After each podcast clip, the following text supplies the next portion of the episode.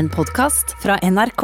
Velkommen eh, til en ny episode, eller skal jeg si utgave, eh, av eh, ep Du, jeg syns det er så fint med alt som starter ordentlig. Fordi nå, nå syns jeg det ble veldig profesjonelt her. Ja. Høres ut som Radioteatret. Ja, det var nydelig. Og jeg kjente at jeg fikk lyst til å gå opp i rett. eh, og marsjere taktfast. Jeg fikk lyst til å invadere Polen når du snakket nå. Eller, var- eller, eller noe sånt. Det her går fra bra til bedre. Ja, Ja bra til bedre. Bra til bedre. Det var profesjonelt i omtrent tre til fire sekunder. Men det jeg skulle si, er at Mm. dette er radioprogrammet, skråstrek eh, podkasten Lindmo og co. Mm. Og her i studio sitter jeg, jeg heter Halvor Haugen, og dere to heter Anne Lindmo og Rune Norum Engelsøy. Det er så sant som det er sagt. Det syns jeg er så rart uttrykk. Det er så sant som det er sagt. Ja. Men altså, hva er det? Det betyr jo ingenting. Er det sagt, er det sant? Det er jo ikke nødvendigvis sant. nei, og det er jo virkelig ikke tilfellet. Eh, men, men det er ikke bare jeg som har funnet det på, ikke sant? Nei, det er et uttrykk, ja. Ja, ja. og det er så rart. Jeg aner, jeg, Inni så lurer jeg på Jeg klarer liksom ikke å forstå hvordan plutselig et munnhell begynner å dukke opp i hodet mitt og i vokabularet. At jeg, jeg sier ting som jeg ikke kanskje har sagt på 25 år. Så plutselig sier jeg det. Det er så sant som det er sagt. Jeg har også oppdaga at det er ting jeg sier eh, som jeg rett og slett ikke forstår selv. Det er noe jeg har, det er en slags vits som jeg har gått rundt og sagt da i kanskje 20-25 år. Åh. Ja, så jeg tok meg sjøl i å tenke at eh, jeg forstår ikke hva jeg sjøl sier, og vitsen er som følger. Flesk, sa bonden og slo seg på trebenet. Ja, men dere ler jo, for det høres ut som en vits. Ja, det er jo humor eh, som høres ut som humor. Ja. Men jeg kjente at jeg ble glad inni meg, jeg så, og jeg så det for meg òg. Men jeg har hørt en slags variant av det. Det går unna for unna, sa kjerringa. Hun satt på dass og spiste wienerbrød. Nei, det fant du på nå! Nei, er det er en gammel vits fra en Ja. vitsebok fra hytta vår fra 1984. Det er en veldig kjent vitseformel. Jeg kan en annen vits som jeg skjønner. Altså, nå blir det andre boller, så kjerringa dret i igjen. Eller uh, en som min bestefar alltid sa, det var uh, 'man venner seg til alt', sa reven, han ble flådd. Uh, eller den, den som er enda bedre, 'lite, men godt', sa gutten, han patta katta. er ikke det ganske gøy? Jeg husker på og morfar sa det da jeg var liten, jeg ble livredd. Jeg syntes det var så ekkelt å tenke på. Altså, Hvorfor skal han gutten begynne å patte på katt? Altså, skulle legge seg til. Og jeg så for meg den store, feite katta som lå der og kosa seg, og så kommer det et så lite ekkelt lite barn med kryssbitt og legger seg til Men dere, Ja. Ja. apropos det der med å si sånne Sånne fyndige ting, eller sånne korthugde, kloke oppsummeringer av menneskehetens liksom, tøffeste terreng, da. Jeg driver nå og kikker rundt meg i samtida, og så ser jeg at det er så imma mange som enten bevisst eller ubevisst søker stillingen som Per Fugelli. For skjønner dere hva jeg mener? Ja, Du kan jo forklare hva stillingen til Per Fugli innebar. Ja, men altså, Per Fugli var jo en eh, fantastisk fyr. Eh, han var jo eh, sosialmedisiner, altså lege i bunnen, og en eh, artig fritenker, litt rabiat, men klok og varm i hjertet sitt. Og hadde også språket i sin makt. Eh, behersket liksom eh, det der å, å bevege seg i offentligheten med, med, med mennesker høyt på strå osv. Og, så videre, og var jo en satans god fyr eh, når det gjaldt, syns jeg, å sette ord på eh, hvordan vi har det, og hvordan vi bør ta det, og hva som er viktig, og hva som er vrøvl. Ikke sant? Fin fyr. Og nå er han borte. Og det er jo et høl. Et vakuum. Det er jo et savn der. For vi leter jo alle sammen etter sånne, sånne figurer som liksom evner å blablabla, som kort oppsummerer noe som vi alle går og kjenner på. Og så er det så gøy å se hvem det er som søker stillingen. Eh, med, og det er jo mange instagrammere. Altså det er Ja, ja. mye influensas og små eh, eh, spirer i kommentariatet som sitter og jobber med eh, en kontinuerlig eh, søknad om å bli den nye Per Fugelli. Ja. Og det er jo skivebom på skivebom. Eh, og ikke sant, man slår seg løs med altså, og tror at hvis jeg liksom går hardt ut kanskje i vaksinedebatten, så kan jeg finne veien inn der. Mm. Kan jeg komme inn og bli den nye Per Fugelli via tarmskyld? Ja, ja. Ikke sant? Er det yoga som er innfallsvinkelen nå til å få sagt det viktigste om samtida og menneskeheten? Og folk skraper på døra der og vil inn i det ikke sant? figurativt tomme kontoret som Per har etterlatt seg. Klokskapens kabinett. Ja, og foreløpig så er jo døra stengt, mener jeg. Ja. altså. Ja, har du hørt noe kvasi-klokt på din vei? Ja, men altså, det er jo bare, Jeg mener det er bare å åpne Insta om dagen. jeg. For jeg syns det er så mange folk som også liksom i koronavakuumet eh, kommer i skade for å tro at de er kloke. Eh, og får det for seg at hvis jeg bare går ut på plenen nå eh, og stiller meg opp foran iPhonen min og ser litt ut mot horisonten med et lite skråblikk, og så sier sånn Er det ikke rart, folkens, hvordan vi alle sammen tror at vi lever på utstilling? Hva er det som egentlig teller her, når alt kommer til alt? Burde vi ikke bare sette oss ned og kjenne etter hva vil jeg? Og det er rett og slett så mye elendig fjas som presenteres som klokskap. Husk det, folkens. At når nøden er størst, så gjelder det å patte katta. Ikke sant? Plutselig Ja. så blir det klokt, da. Ja, så blir det veldig klokt. Plutselig så er det liksom en liten juvel av en setning som noen kan uh, få inn, og som kan gjøre at de forandrer livet sitt. Men dere, hvordan uh, går det? Altså, jeg må nesten spørre om det, fordi jeg har bare sett de trøtte trynene deres eh, via en dataskjerm i det siste. Nå sitter dere her i levende live, ser pigge og uthvilt ut. Åh, jeg syns det er nesten sånn at det er sånn Jeg blir sånn yr av at jeg vet at uh, vi skal få lov å gå inn her og vaske ting med sprit overalt, og så liksom være sammen litt i et rom. Det er så wow! Det, er liksom, det føles litt sånn ulovlig. Og, og trynet ditt får vi jo ikke Siste tre møtene vi har hatt på Teams, så har du ikke skrudd på kameraet ditt. Nei. Hvorfor så- har du ikke det, Halvor Haugen? Så har du sagt sånn Nei, jeg kan ikke. Da tenker jeg sånn Ok, nå driver du enten har begynt med hudpleie, så du sitter med sånn maske øh, og smørt deg inn med noe greier. Nei, nei, det er bare en regel om at jeg ikke trenger å vise trynet mitt eh, nå som jeg har valget, da. Ja. Eh, Så har jeg tenkt eh, at det er lurt å spare både meg selv og mine omgivelser, altså mm. dere, for å se det trøtte trynet mitt før klokka er 11. Ja, 11, ja. Jeg, 11, jeg er 11, ja, ikke presentabel før klokka er 11. Fordi jeg kjenner jo en gammel skuespiller, skal jeg si hvem det var? Jo, Ja. det kan jeg gjøre. Wenche Foss. Eh, Wenche Foss ville jo på et tidspunkt eh, i livet ikke, ikke fotograferes før klokken 14. Ja, altså? Eh, Hun var nøye på det. Vi kan gjerne gjøre opptak, men det er etter klokken 14. Eh, For det visste hun at det var da begynte fjeset å bli noenlunde presentabelt. ja, ja. Jeg Så du Wenche. kjører den. Jeg kjører Go Wenche.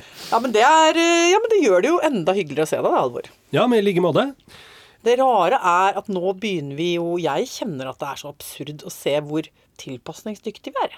For nå har det gått ganske mange uker, og nå er det sånn at jeg nesten ikke husker Eller eh, har dere ikke det litt sånn? Jo, jeg har det Altså, absolutt sånn. Det, Jeg har har- det har gått seg til en tralt. Og det rare, vet du hva det rare er? Jeg, jeg syns det er så rart, det der med sånn intimsoner og sånn eh, hvor mange meter det skal være mellom oss og sånn. Eh, Jeg husker da jeg gikk på sosiologi, så noe av det første jeg leste som jeg syntes var sånn dypt fascinerende, sånn, å, jeg elsker sosiologi, det var sånn undersøkelse de hadde gjort av forskjellige eh, steder eh, hvor, hvor folk skal stå sammen, og hva man oppfatter som normal distanse mellom seg og nestemann, ikke sant. Sånn at på et eh, busstopp så er det helt unaturlig å stå 40 cm fra noen, men i en heis så vil jo ingen reagere på om du står 40 cm fra en vilt fremmed person. Det vil si, hvis heisen er ganske stor, så eh, er det jo corny å gå og klemme seg opptil Ja, den ene andre personen som er der og sånn.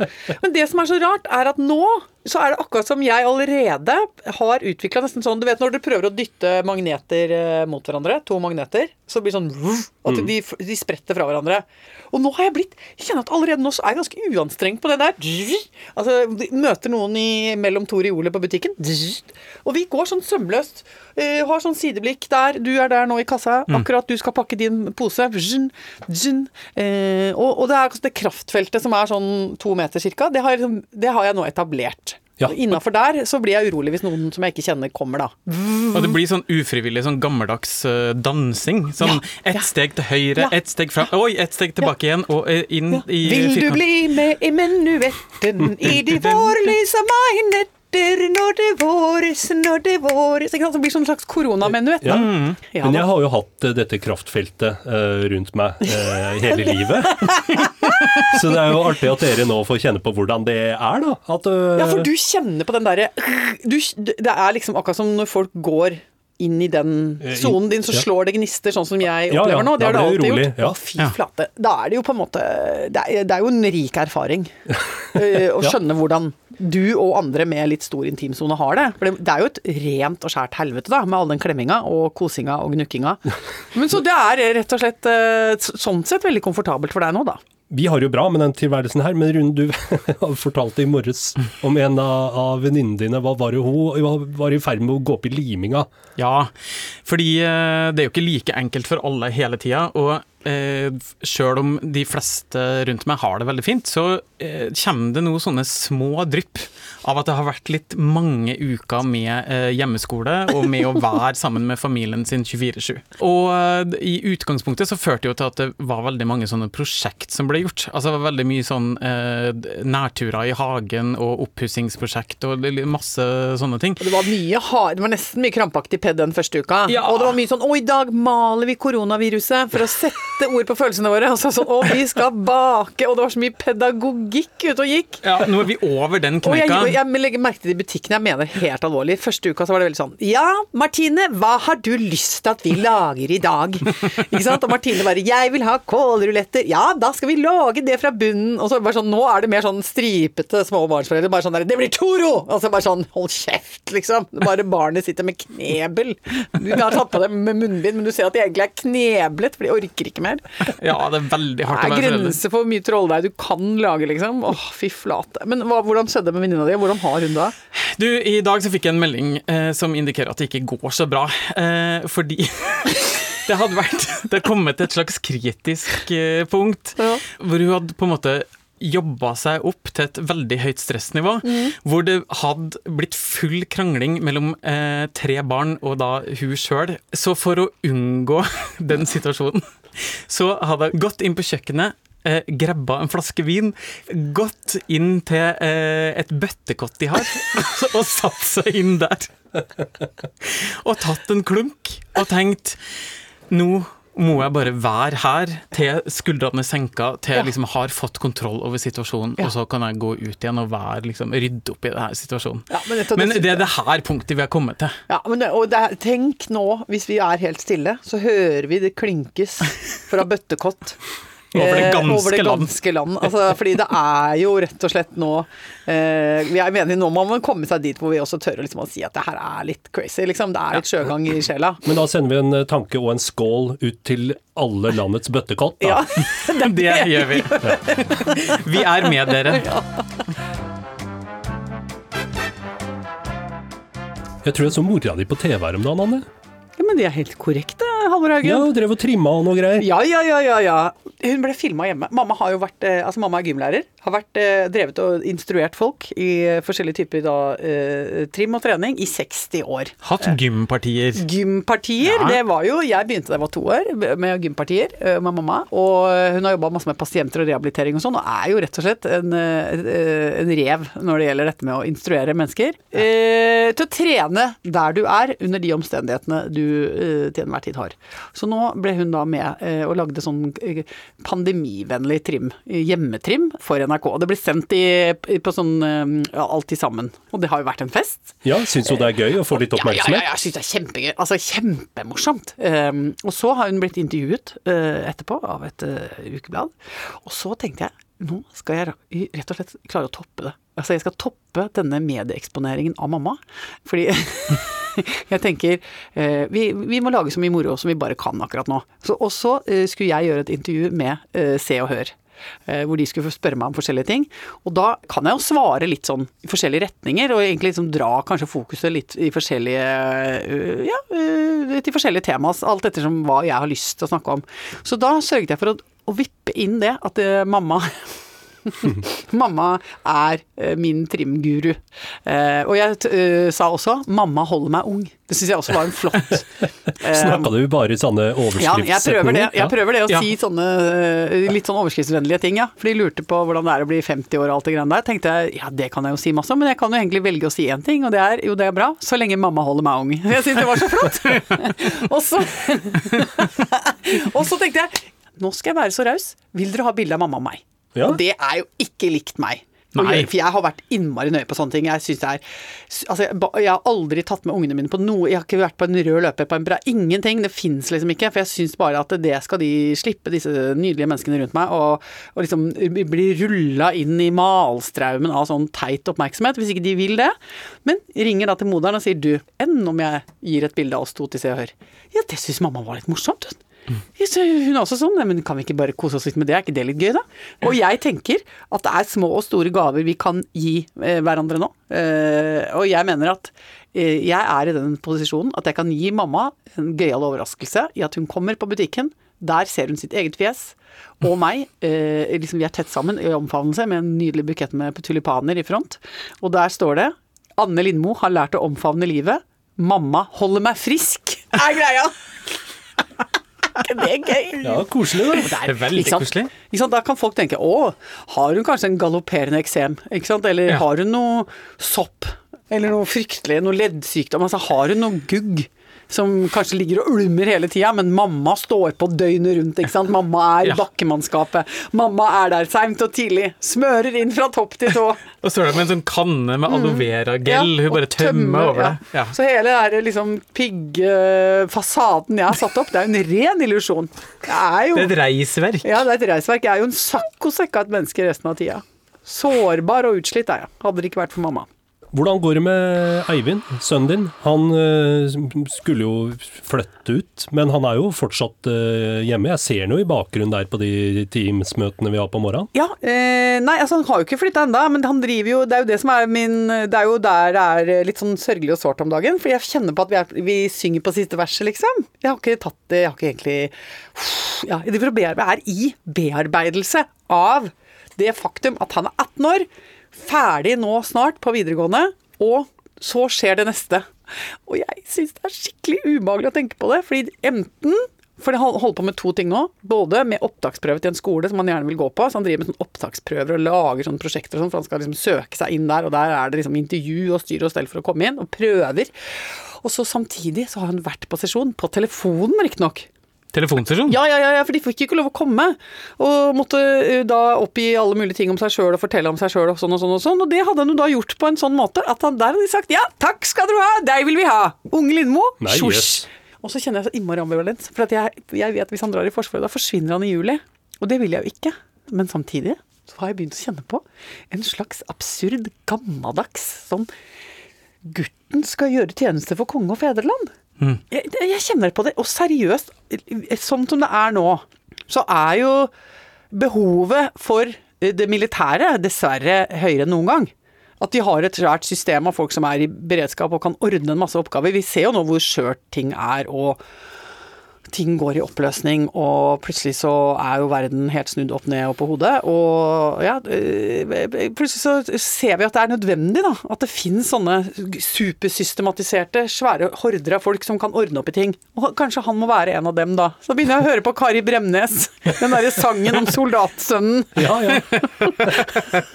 Og så får jeg sånn øh, øh, Og så tenker jeg at nå, guri, så flott. og liksom på en måte litt rørende å se han stå der i sånn helgrønt med sånn sekk på ryggen. Og sånne dumme marsjstøvler. ja. Åh, å komme hjem og være helt annerledes. Og så Ja. tenker jeg, så bra det blir for han. Få, det tenker jeg på. God grunn til å dra i Forsvaret, som jeg har sagt til han. At du skal skjønne at det fins fantastisk morsomme, kule, kloke, rare gutter fra hele Norge. Ja. Fordi det er det min største frykt, at jeg får sånn Oslo-unge som tror at uh, liksom Ikke sant? Det er rimelig mye nerde, harry, teite typer. Liksom når du kommer over liksom utafor ringen, så begynner liksom å Da begynner det å rakne, da.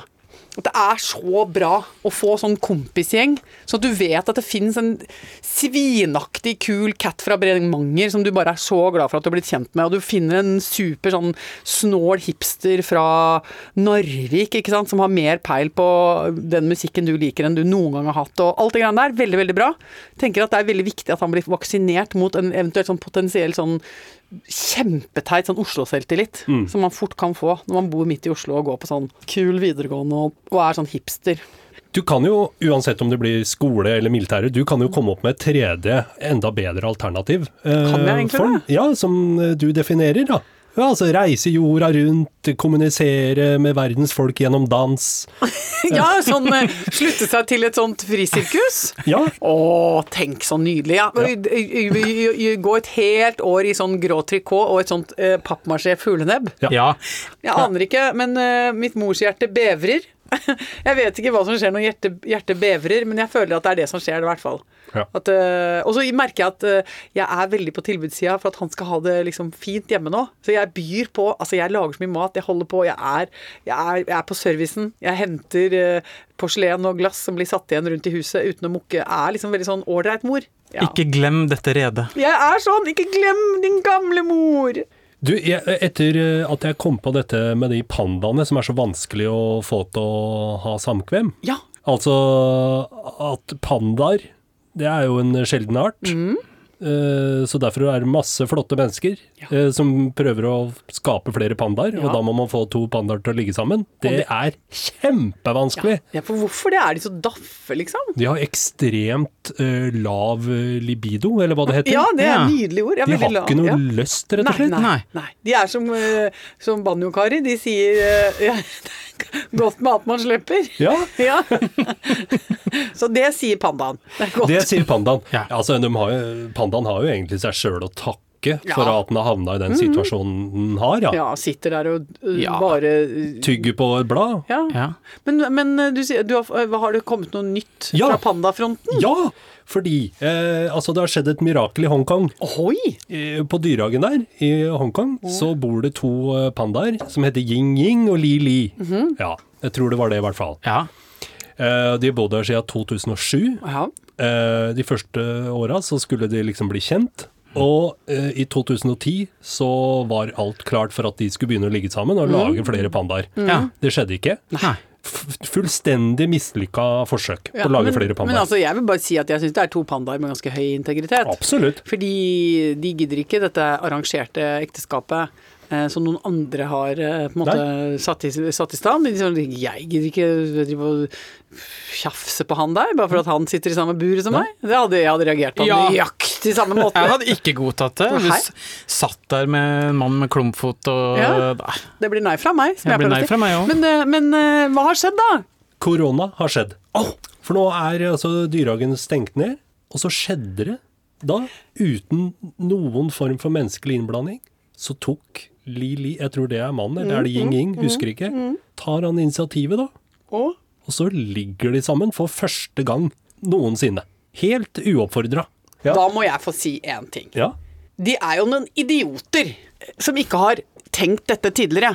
La oss bare ta bort én faktor, nemlig tilskuerne. Ja, og her igjen må jeg si er jeg helt på linje med lille pandamor. Ja. At ikke bare skal dere fornærme meg med å stappe meg i et bur med en fremmed kar. Med klumpfot og kryssbett, holdt jeg på å si. En eller annen som jeg ikke har valgt sjøl. Ja. Så skal det i tillegg ha folk stående og glane på utsiden av glasset, som har betalt penger for å bivåne dette greiene her. Mm. Og så skal jeg komme i modus, eh, Ja. sånn at han gamlefar skal begynne å jazze seg opp. Forkjørt seg. Nei. Hjertelig tusen takk. Og da mener jeg, vi snakker om så ofte om at dyra eh, ligner oss. Det er derfor vi på en måte liker å, å kikke på dem og observere dem. Vi liker å ha dyr rundt oss, for vi er jo i slekt. Og da mener jeg man må også skjønne at det er ikke den beste måten å få folk til å, å forplante seg på, er å sette opp eh, daglige eh, show. eh, og la folk stirre.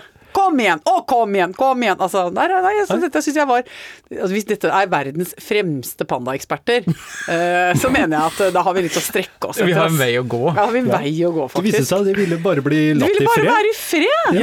Som alle eh, skapninger. Ville ha fred og ro rundt akten. Skal vi kikke på posten? Vi har jo rukket å få en del brev mens det har vært sånn unntakstilstand her. har Ja, oppi alle disse mm, henvendelsene så er det um, to spørsmål som jeg har lyst til at vi skal ta opp i dag. Ja. Det ene er et spørsmål som hele tiden dukker opp. eh, Det er nemlig hva slags rase er bamse? For vi bru- jeg legger- Ja, så Bamse bruker jo eh, Han dykker jo opp i forskjellige sammenhenger i våre sosiale medier, og, og da er det altså minst tre hver gang som spør hva slags rase han er. Eh, Det er en cobberdog. Ja, så det er en rasehund, altså. Ja, ja. ja, nei, men, og det er det veldig mange som da For når jeg da svarer det ofte, det er en cobberdog, Ja. så er det en del mennesker som sier jaså, så det er en blandingshund. Og da er jeg usikker på om jeg skal liksom fronte det med å klaske i bordet en stamtavle fra New South Wales, eh, liksom, og hisse meg opp og si sånn på vegne av min hund, prøver liksom å redde hans ære og si sånn Bamse, nei, han kommer fra et nydelig stramt slektstre av førsteklasses dyr. Eller om jeg bare skal si sånn, ja ja, det er bastard. Er man eh, opptatt eh, av dette i hundemiljøet, du som er en del av det? Altså Ja, altså, rein rasehygiene, liksom? Jeg syns på en eller annen måte at det er et veldig rart sånn rasehygienefokus blant en del eiere, eh, hundeeiere. Altså de, det er veldig mye sånn styr med hva som er reint og hva som i så fall er ureint. Og det Ja. syns jeg også er litt sånn Er ikke det litt gøy? Men svaret på det mange lurer på, er Ja. altså hva slags hunderase er Bamse bikkja di? Det er altså Cobberdog. Cobberdog. Mm. Du sa det var to spørsmål, Anne. Ja. Det andre er eh, et, et spørsmål som jeg syns er interessant. Det er en observant lytter som Ja. har stilt følgende spørsmål. Eh, hun heter Rita. Hei, Rita. Hvorfor snakker dere så innmari mye om spising? Ja, vi gjør jo det. Vi gjør det. Vi snakker jo Og da, da tok jeg litt selvkritikk. og tenkte, Ja, det, nå har det virkelig vært mye prat om mat. Men jeg lurer på om det er Altså, i dag har vi ikke snakka mye om spising, Nei. og jeg tror det har sammenheng med at dere to spiste før eh, dere kom inn i studio. Ja. Vanligvis så sitter dere jo begge to i dette studioet og er veldig, veldig sultne. Ja, eller jeg spiser samtidig. Ja. Men det er fordi at vi som regel har så mye å gjøre at vi ikke rekker å spise. Og derfor så blir det en slags sånn transportspising, eller at jeg stjeler mat på vei ned her, ikke sant. Og derfor har jo det blitt en naturlig ting. Eh, så det kan jo være én forklaring. Ja. Eh, det andre er jo at vi er glad i mat. Altså, ja. det andre er at mat er sjølve livet. Ja. Ja. I mitt tilfelle. Mm. Men sitter du og tenker på mat akkurat nå? Ja. Ja. For nå er jeg sulten igjen. Ja. Og eh, nå, nå tenker jeg Nå tenker jeg på noe, noe angdiv som skal stekes. eh, Og jeg lurer på om det skal en blåmuggost oppå. Åh, gud, ja. Ja. Vet du hva jeg tenker på? Nei? tenker på sånn eh, sørasiatisk sånn friterte fiskekaker. Ja, smakelig måltid, dere. Jo, takk for Tusen det. takk. Vi snakkes igjen neste uke. Vi spises til uken. Vi etas. Vi etas. Hva var det han sa, mannen? Ja. Flesk, sa bonden og slo seg på trebenet. Nettopp. Ha det! Ha det!